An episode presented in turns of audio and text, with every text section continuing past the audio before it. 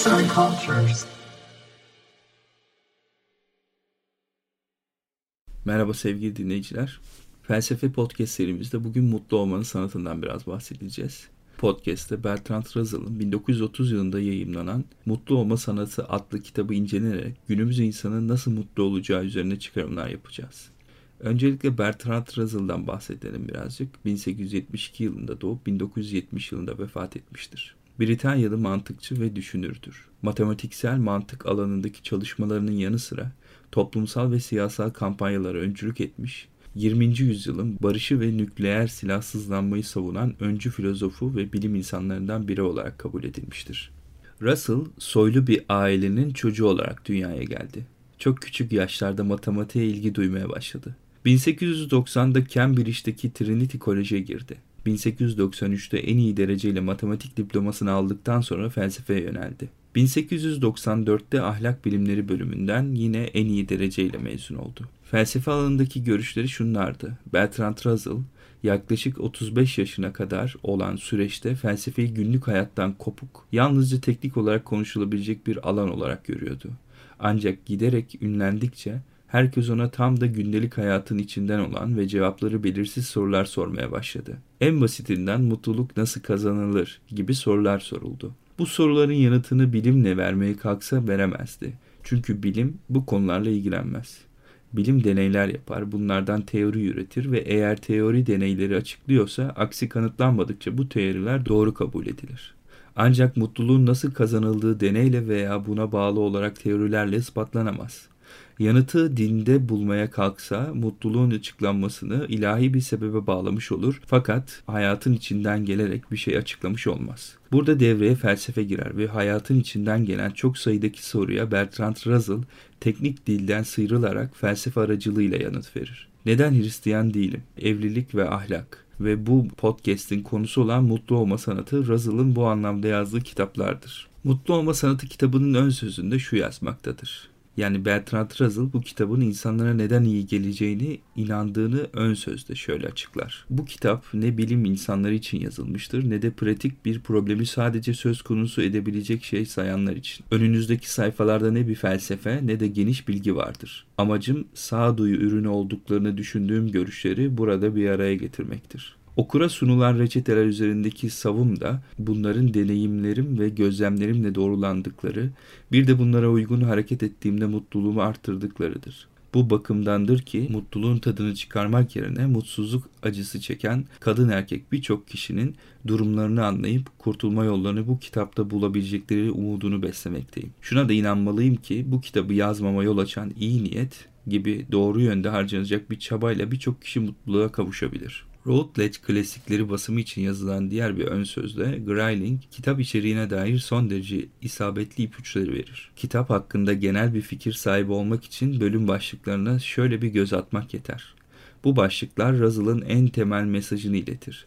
Mutluluk işte ve ilişkilerde dışa dönük bir tutum izlenerek elde edilir ve kişinin kendi içine dönmesiyle, endişe ve korkulara teslim olmasıyla kaybedilir. Bu arada mutlu olma sanatına say yayınlarına ulaşabilirsiniz. Bölüm başlıklarına baktığımızda mutsuzluğun neredeyse tüm nedenlerinin kendi kaygılarımız olduğunu, mutluluğun nedenlerinin ise kendimiz dışındaki şeyleri duyduğumuz samimi ilgi olduğunu görürüz. Bu noktada Cem Yılmaz'ın 2007 gösterisindeki mutluluk içimizde esprisini tam olarak ters halini görmekteyiz. Aslında mutluluk değil, mutsuzluk içimizdedir. Biraz da kitabın içeriğinden bahsedelim. Birinci kısımda mutsuzluğun nedenlerini anlatıyor Bertrand Russell. İnsanın kendi içine kapanması onu neden mutsuz eder? Burada mutsuzluk ile kastedilen şey insanın büyük kayıplar yaşadığında veya herhangi bir fiziksel ihtiyacını karşılayamadığı durumdaki mutsuzluk değildir. Bu mutsuzluklar tabii ki son derece önemlidir ve hayati niteliktedir. Ancak Russell'ın amacı günümüz insanların çoğunun her gün yaşadığı,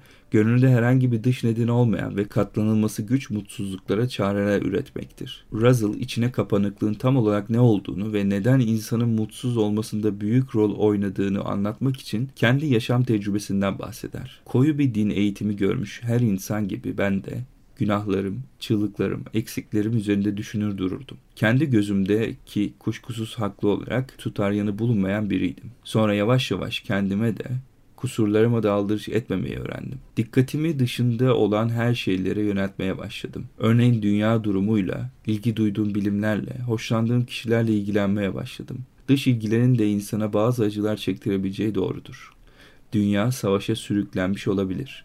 Bazı konularda bilgi edinmek güç olabilir. Dostlar ölebilirler. Ama bu gibi acılar hayatın niteliğini yok etmezler. Oysa örneğin kendimize karşı duyduğumuz nefret bu niteliği ortadan kaldırabilir. Üstelik canlı kaldığı sürece dış ilgilerin her biri bazı uğraşılara yol açar ki bunlar da can sıkıntısına karşı en iyi koruculardır. İnsanın kendisiyle ilgilenmesi ise hiçbir zaman verimli bir uğraşıya yol açmaz. Ancak anı defteri tutmaya, psikanaliz uzmanına başvurmaya, belki de kendini dine adamaya neden olabilir. Anlaşılacağı üzere Russell'ın içine kapanmak ile kastettiği şey dünyaya ve ona ait olan her şeye olan ilgiyi kaybedip kendimizle baş başa kalma durumumuzdur. Peki kendi kendimize kaldığımızda gerçekten ne olur?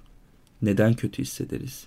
Neden kötü hissettiğimizi ve bu durumdan nasıl kurtulacağımızı Russell kitabın birinci kısmında can sıkıntısı, yorgunluk, çekememezlik, günah duygusu gibi bölümlerle açıklar.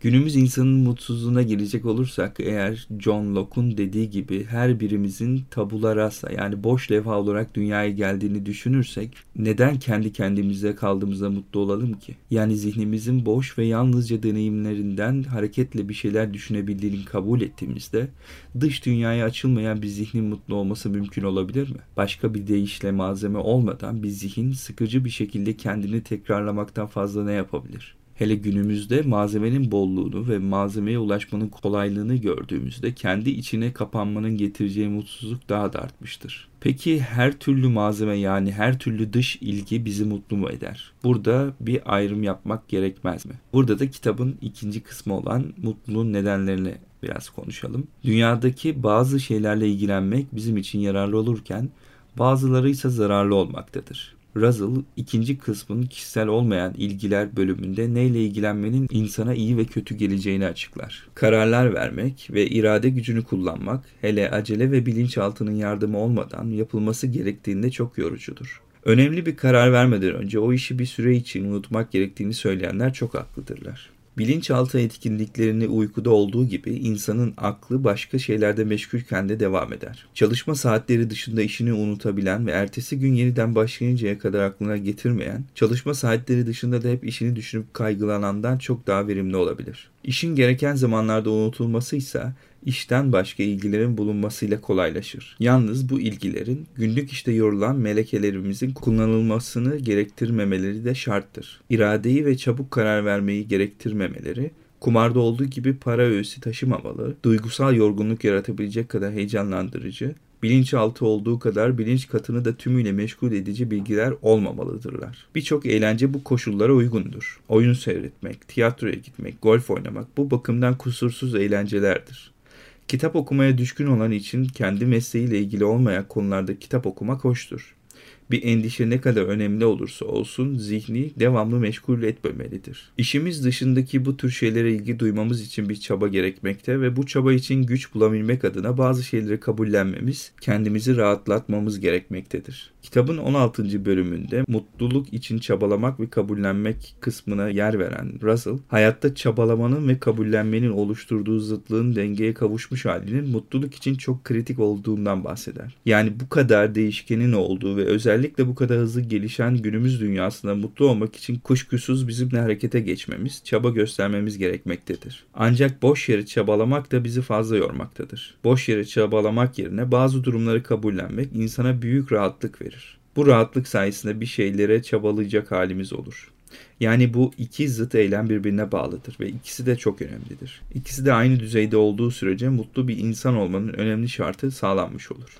Sonuç bölümünde ise mutlu insandan biraz bahsediyor Russell. Keyif, sevgi, aile, iş gibi diğer bölümler de mutluluğun önemli şartlarıdır. Ancak podcast'i daha fazla uzatmamak adına onların detayına girmiyoruz podcast'imizi kitabın mutlu insanın hayata nasıl baktığı ile ilgili olan son cümleleriyle sonlandırmak yerinde olacaktır. Her mutsuzluk şu ya da bu türlü ayrıcalığa bir uyuşmazlığa dayanır. Bilinçle bilinçaltı arasındaki uyum eksikliği benlikte uyumsuzluk oluşturur. Kişiyle toplumu birbirine kenetleyen nesnel ilginin ve bağların bulunmadığı durumlarda bu ikisi arasında uyuşmazlık baş gösterir. Mutlu insan bu birleşme başarısızlıklarının ikisinden de acı çekmeyen, birliğe ulaşmış insandır. Onun benliği ne kendi içinde birbirleriyle uzlaşmaz kısımlara bölünmüş, ne de dünyaya karşı bir sipere gömülmüştür. Böyle bir insan kendisini evren vatandaşı olarak hisseder. Evrenin ve hazların bol bol tadını çıkarır. Ölüm düşüncesiyle tedirgin değildir. Çünkü kendisini kendinden sonra geleceklerden ayrı saymaz.